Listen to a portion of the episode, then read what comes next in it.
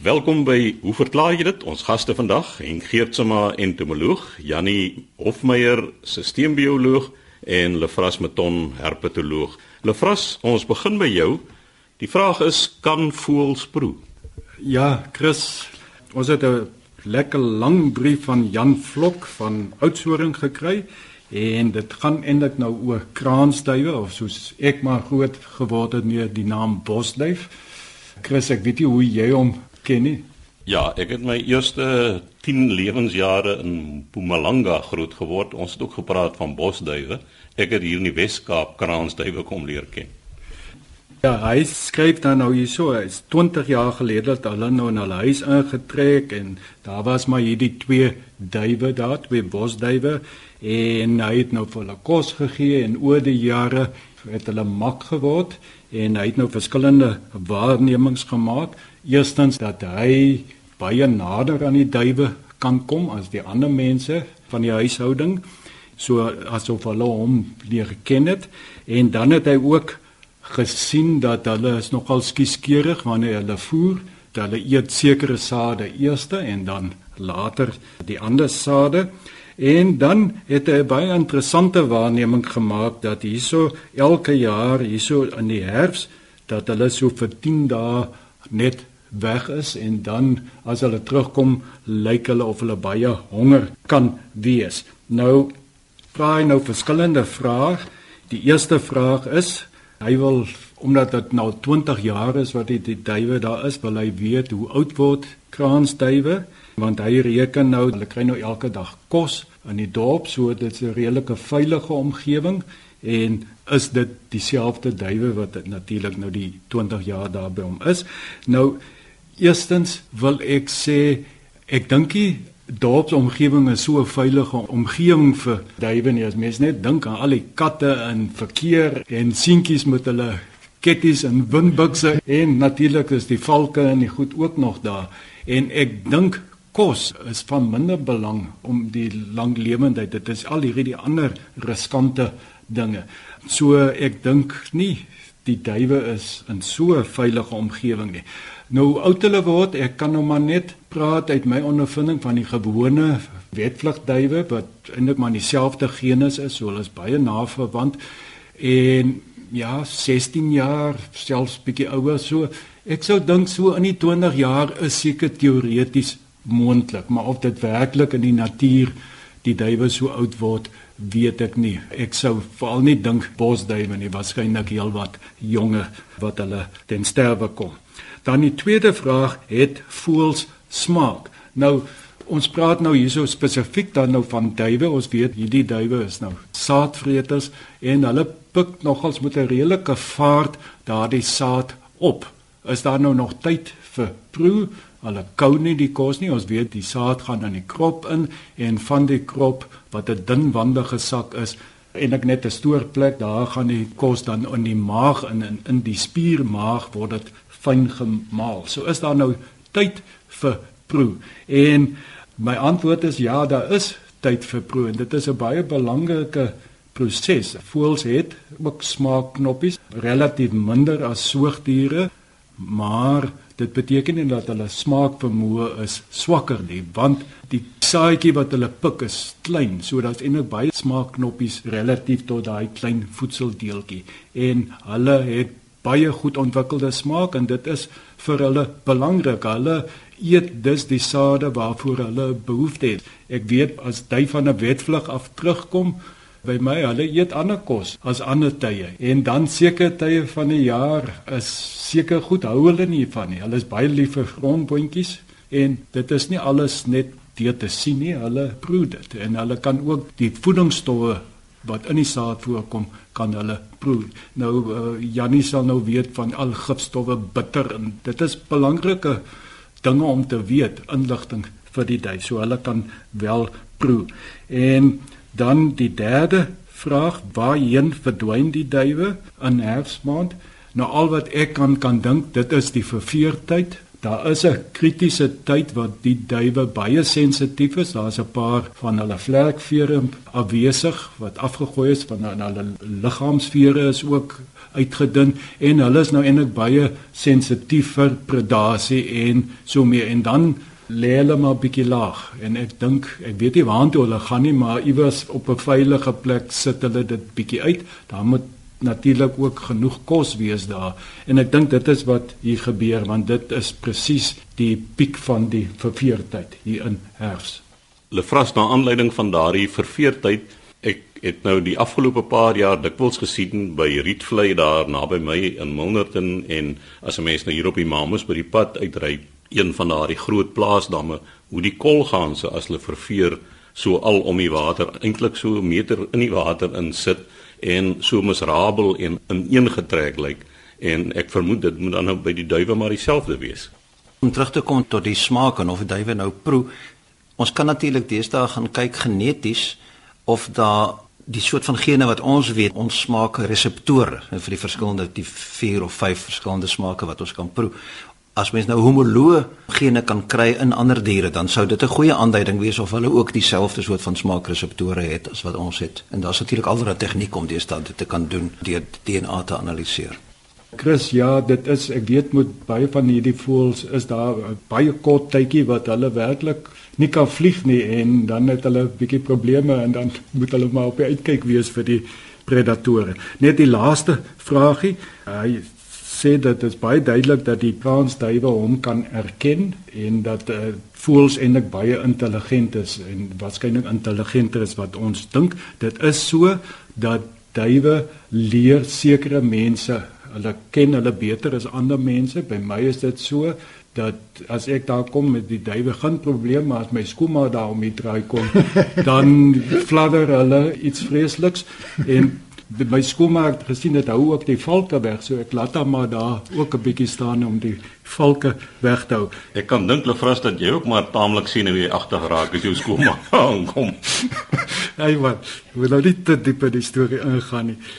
Ja, so dit is so dat duiwel leer sekere mense individue ken, maar dan met mense ook terselfdertyd sê dat alle duwe van dieselfde spesies nou almal is nie ewe mak of party duwe individue is net van nature wild en ander. Ja skrikkerig en ander individue raak baie makker. So in bosduwe is maar of kraansduwe is nie van die makste duifsoorte nie. Hier op die kampus is heelwat van die kraansduwe en hulle is redelik mak eintlik en mense kan baie naby hulle kom. Maar ek wil 'n ander vraag vra. Die luisteraar sê nou hoe proe die bosduwe Ek gooi die vraag om. Hoe proe bosduwe? Toe ek leerling bosbehoor was in die Nuisnwoud, het ek gereeld bosduwe geskiet vir die pot. En ek het geleer in Desember en Januarie wanneer die eysterbessie ryp is, wat hulle natuurlik vreet, is die vleis van hierdie bosduwe uiters bitter. So vir my maar bosduwe eet in Desember en Januarie. Is mos met die skaapvleis ook so van die bokke die Karoo bosie gee mos 'n smaak aan die vleis. Nou ja, dit dan wat die kraansduwe betref, Lefras Meton, ons herpetoloog wat daaroor gesels het, Jannie Hofmeyer, ons sisteembioloog wat aan die woord is. Jannie, jy het twee vrae gekry. Die eerste een sê daar's 'n uitdrukking wat lui dat 'n vis van sy kop afvrot. Is dit so? En dan, hoekom duik plastiek waterbottels in as hulle gevries is? Baie dankie Chris en môre luisteraars en kollegas. Ja, die eerste vraag kom van Dan Kutse af. Hy is van Kleinmond. Hy sê vanoggend weer vir die soveelste keer lees ek in die koerant as politieke kritiek 'n vis vrot mos van sy kop af. Hy sê dit word al afgesaag en dit wil lyk asof die een skrywer voortokkel op dieselfde snaar. So hy vra, hoe vrot 'n vis dan nou werklik of meer algemeen hoe enige dier hoe vrot die? Is dit nou van die kop af sou die sagte ingewande nie eers verrot nie? So dis nou 'n interessante vraag natuurlik die gesegde 'n vis vrot mos van sy kop af is natuurlik 'n metafoor en dit beteken die hoofoorsaak van 'n organisasie of staat wat faal is die leierskap. En dis 'n baie ou gesegde en daar's 'n groot beklei aan die gang tussen lande oor waar die gesegde nou eintlik oorspronklik vandaan kom. Maar dit lyk asof daar goeie getuienis is dat dit uit Turkye uitkom. En daar was 'n persoon met die naam van Sir James Porter En hy was vir 15 jaar in die tweede helfte van die 18de eeu was hy die Britse ambassadeur gewees in die Ottomaanse Ryk en hy het 'n boek geskryf met die titel Observations on the Religion, Law, Government and Manners of the Turks. En daar beskryf hy 'n gesegde, die Turkse weergawe van gesegde, 'n vis stink eers by sy kop. En die gebruik daarvan was of die betekenis daarvan was dat as die knegg deurmekaar is, is dit omdat die meester deurmekaar is. Maar natuurlik biologies is die stelling is onsin. Dit is net 'n blote metafoor, niks met biologie uit te waai nie en dan is natuurlik heeltemal reg as hy sê as hy vra of die sagte ingewande nie dalk nou eers te verrot nie. En dit is so, verrotting vind eerste plaas in die sagte organe rondom die spysverteringskanaal. En so na afsterwe is daar twee prosesse wat plaasvind in die verrotting van so 'n organisme. En die eerste een is dan 'n onmiddellike proses want daar's natuurlik nou nie meer suurstof in die selle nie en die selle word suur en dan word ensimaties die selmembrane afgebreek en dan begin die inhoud van die sel uitlek en so daar's 'n soort van 'n versagting, 'n selvertering, ensimatiese selvertering wat plaasvind. En die belangrikste orgaan daar, die een wat eerste afbreek, is die lewer. Die lewer is natuurlik ons groot metabooliese orgaan, ryk aan ensieme, ryk aan metabooliese prosesse. En so dis die eerste een wat gaan.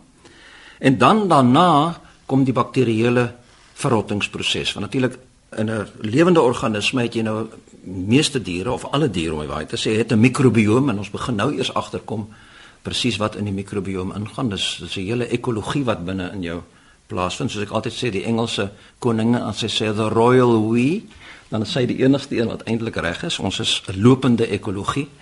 Maar die bakterieë die word beperk tot die spysverteringskanaal deur ons immuunstelsel. So jy kry nie bakterieë in die res van jou liggaam nie tensy daar nou 'n probleem is en jy het nou 'n infeksie.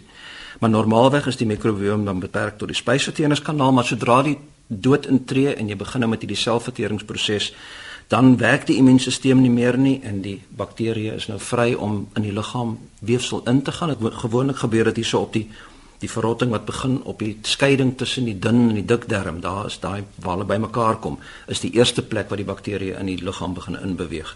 En dan kry jy mens nou 'n verrottingsproses in Engels staan dit bekend as putrefaction. So dan gaan dit deur al die weefsels van die liggaam. So dan is heeltemal reg, dit het niks te doen met biologie hierdie nie, dis bloot net 'n gesegde. Ja nee, ek dink sommer nou net aan diere wat nou groot stukke vleis of wat ook al eet byvoorbeeld 'n slang wat nou 'n luislang 'n hele bok insluk. Sekerlik gaan daai bok begin verrot voor die verteringsproses voltooi is. Tydens die verrottingsproses is daar gifstowwe of goed wat afgeskei kan word wat nadelig vir die dier kan wees. Ek is nie seker nie, maar ek twyfel, ek dink nie so nie. Wat gebeur is dat dit is die proteïene en koolhidrate, lipiede wat maar afgebreek word na hulle boustene toe daar moet 'n chemiese proses wees om 'n gifstof te maak. En die mhm, normale ja. bakterieële afbraak of die normale proteolitiese afbraak in jou spysverteringskanaal, ja. die gee eintlik vir jou maar die normale boustowwe van die lewe. So ek sal verbaas wees as daar probleme ontstaan. Moontlik baie gasvorming. Gasvorming baie beslis, maar ons weet daar's 'n manier om die gas uit te kry so. Dit was nou die uh, vraag van Dan Kutse. Dan het ek 'n vraag gekry van Nico Kuhn. Hy sê nie waarvandaan hy kom nie, maar hy het 'n waarneming gemaak. Hy sê dat hy verskeie plastiekbottels gebruik en hy het my almal van hierdie plastiekbottels dieselfde resultaat. Hy gebruik elke keer dieselfde bottels. Elke slag maak hy dieselfde bottel vol met dieselfde hoeveelheid water en dan plaas hy dit in die vrieskas om te vries. En in al die gevalle sê hy as hy die bottels sonder hulle proppe vlies, dan bly die bottel in die oorspronklike vorm, maar sodra die bottel gesluit is met 'n prop, dan krimp die bottel. En hy wil nou weet waaraan dit toegeskryf kan word. So dis nou 'n interessante vraag want dit is reglynig teen my eie waarnemings wanneer as ek melk in sê 'n liter of 'n 2 liter bottel koop en ek sit dit in die vrieskas, dan sit hy uit. So waar is die verskil?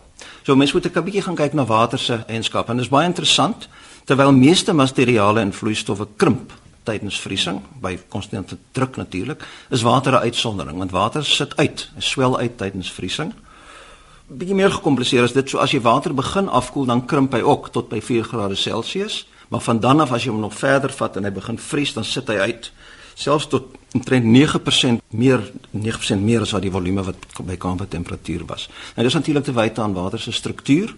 So ys het 'n baie rigiede kristalstruktuur waar die watermolekuule gerangskik het in die ruimte op 'n manier wat hulle verder van mekaar af is as wat vloeibare water is. Want daar val daai hele struktuur. Jy kan dink daar's in ys is daar klein gaatjies tussen die watermolekuule en as dit smelt, dan val al die watermolekuule saam in in 'n meer digte vorm. Dit maak natuurlik dat ys minder dig is as water en maak dat ys dryf wat 'n goeie ding is want as as dit nie so was nie dan 'n meer of stuk water van onder af gevries en alle lewe was weg. So dis eintlik as gevolg van water se eienskappe dat ons lewe op aarde het. En ek sou nie verbaas wees enige plek in die heelal waar daar lewe is, gaan dit ook water gebaseer wees. Maar in elk geval So hoekom is dit nou so dat Nico agterkom dat sy bevrore plastiekbottels nou induik en nie uitswel nie?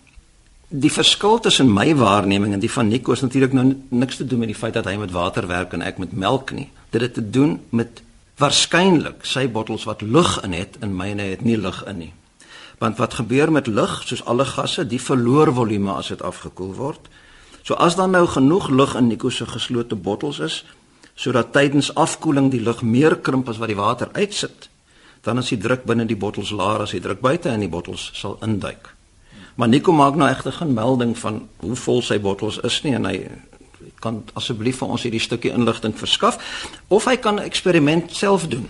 So hy moet twee bottels vat en hy maak die een half vol en die ander een maak hy heeltemal vol, sit 'n prop op en vries beide en kyk wat gebeur. Maar los net 'n klein bietjie lug.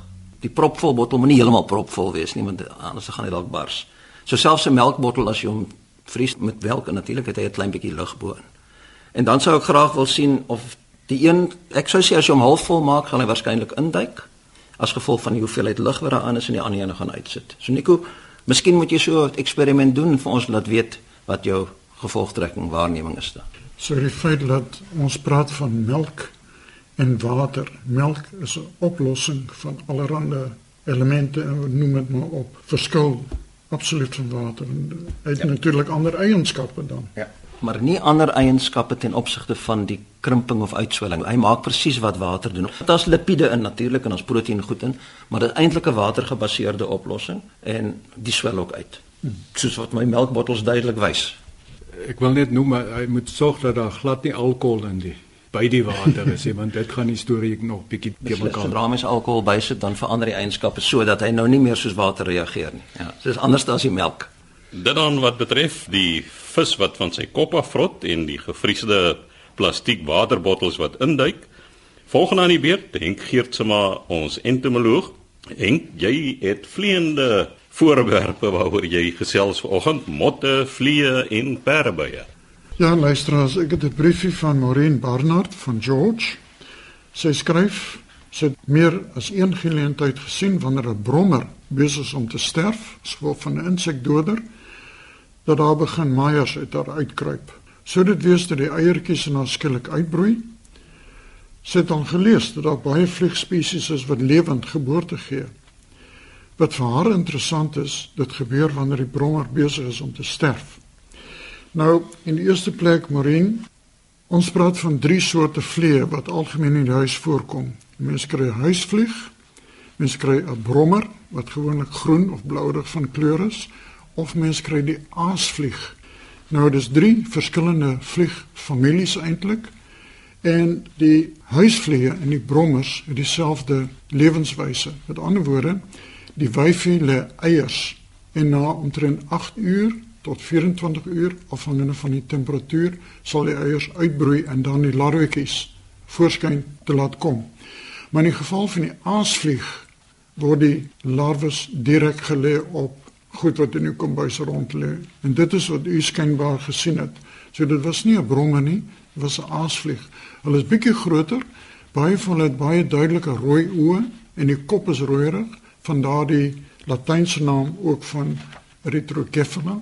Ek ek het al gesien in die jagveld dat waar mense nou 'n paar bokke skiet, dan haal hulle die binnegoed uit, keer hom oor 'n bos om dat hy nou kan uitbloei en dan gaan hulle nou voort en as hulle uur later terugkom, dan is daar klaar maaiers in die eerste bok. So ek neem aan dis die aasvlieg wat daar betrokke was. Dis aasvlieg. Kyk, die aasvlieg se latynse naam is Sarcophagidae.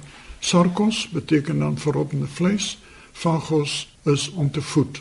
So hulle word aangelok na vleis wat al 'n bietjie aan die rypkant is. Maar die luisteraar verwys hier eintlik na in my geval nou die aasvlieg wat besig om te sterf en dan kom die larwetjies uit. Natuurlik die insek beheer die leer van eiers of van meiers. Maar so gou die insektemiddel inskop as dit ware letterlik en figuurlik, dan word die inhibisie word verbreek. Met ander woorde, die respons van die vlieg om die eiers te behou verdwyn en die larwetjies kom te voorskyn. So dis 'n natuurlike proses, maar dit het te doen met die aasvlieg het nou nie meer mooi maniere nie. Dit laat net waai. Interessant. Die tweede vraag kom van Nick Olivier en is ook van George. Dit gaan oor 'n mot. Hy het 'n pragtige foto gestuur. Nou die mooitjie se naam is Holisrina Smilax. En ek is baie bly dat hy vir my die foto gestuur het. Nou, ek is mos eintlik 'n motman. Nou, hierdie mot is 'n uh, lid van die Pauoog familie, die Saturnidae en die Pauoogmotte is natuurlik vernoem na die groot oë op die agtervlerke met hulle ringe wat dan verwys na Saturnus, Saturnidae. Maar in hierdie geval is dit 'n subfamilie van die groep wat nou nie hierdie oë het op die vlerke nie. Maar dit sulke klein deursigtige vlekkies op die voor en agtervlerke wat lyk soos 'n drietjie wat net 'n bietjie op Arabies geskryf is, so 'n bietjie krullerig en so aan. Nou, hierdie mooitjie is nie baie algemeen in die Suid of Wes-Kaap nie. En hierdie is my baie interessante ding want hierdie mot kom eintlik meer voor hier van Natal af noordwaarts tot in Zaire. Maar wat wel interessant is, dit is 'n groot plaag in Mpumalanga area en die plantasies waar dit dennebome aanval. Die larwes is uiters uiters vel irriterend. As mense hulle hanteer ook kry veluitslag en so aan. Maar die papies is weer 'n wonderlike ding. Mens kan nie die papies sien as hulle die kokonne vorm teen die denneboom se bas nie. Jy sien dit net nie. Terug te kom weer in die Kaap. Hierdie mooitjie het ek gevang in Jonkershoek by Stellenbosch. Dit was vir my ongelooflik. Ek het in die bos rondgedwaal soos 'n ou man maar doen. En ek het skielik op een van die opslagboompies hierdie rusper gesien. En ek het gedink maar dis nie moontlik nie. Hierdie rusper kom voor in Mpumalanga, die vorige Oos-Transvaal. Ek het die rusper geneem en opgekweek in die huis en toe kom ek agter met dit is Holerserina smilax, dieselfde mooitjie. Ek het toe my ligvalle aangesit vir die jaar en die volgende jaar. In die volgende jaar het ek van hulle gevang. Met ander woorde, hulle het op die denne gevoed in Jonkershoek self. Maar die jaar daarop en daarna, ek vang elke jaar gereeld motte in Jonkershoek nog nooit weer gevang nie. Die vraag was toe, hoe het hierdie mooitjie in Jonkershoek skielik beland? Die antwoord is redelik eenvoudig. Die navorsingsmense in Jonkershoek doen navorsing op watervloei. Met ander woorde bepaal wat is die invloed van die dennebome op stroomvloei. En daarvoor het hulle watermeters. Nou die watermeters word gereeld uitgeruil met die van Sabi waar hulle 'n soortgelyke stasie het. Die kratte waarin die watermeters vervoer word bevat baie bas want dit is wat ons noem kanthout. En dan moes van die kokonne in hierdie bas geskuil het wat toe uitgekom het in Jonkershoek. Insekte is opportuniste hulle het uitgekom daar moes 'n mannetjie en wyfie gewees het hulle het 'n klein nageslag begin en soos met enige indringer insek is daar drie opsies of jy sterf uit of jy bly voortbestaan vir 'n kort rukkie of jy deel aan wanneer jy nou voedsel in groot hoeveelhede. So Nick Olivier, baie dankie. Dis 'n baie interessante ding en ek gaan dit opteken in my geskrifte oor hierdie paugemotte en dit is een van my spesialiteite. Baie dankie vir die pragtige foto's ook. Dan die laaste vragie is van Sasselburg en dit is op 'n selfoon gestuur en dit kom van die reverence Greta Broxham. Nou sy sê ek en my man kom op hierdie verskriklike lelike gogga af. Dit lyk soos 'n perdeby op steroïdes. Weet regtig nie wat dit is nie. Dis die eerste keer in my lewe wat ek dit sien. Sy woon in Sossenburg en nou vra sy of ek weet wat dit is. Sy het 'n baie mooi foto gestuur. Nou, dit is 'n pompillet perdeby, die regte spinnekopjagters. Hierdie ene wat u gestuur het, is groot en bruin en swart. Nou, u het die foto gestuur van hierdie perdeby op 'n baksteen. Nou die baksteen se hoogte is gewoonlik so 10 cm en die foto maak omtrent 8 cm perdeby vol. So dis 'n redelike groot meneer. Dis 'n spinnekopjagter. Hulle is eintlik baie nuttig en byvoorbeeld in die Weskaap kom hulle ook voor waar hulle natuurlik op die dwaalspinnekoppe of die nagspinnekoppe jag maak. So ek hoop nie u sê dis weer 'n verskriklike lelike gaan. Ek dink dit is 'n baie baie interessante insek en hy doen 'n baie nuttige werk as jy nie hou van spinnekoppe nie. So sê Henk Geertsma, ons entomoloog. Die tyd het ons weer ingehaal. Skryf gerus aan. Hoe verklaar jy dit? Posbus 2551 Kaapstad 8000 of stuur 'n e-pos aan chris@rsg.co.za.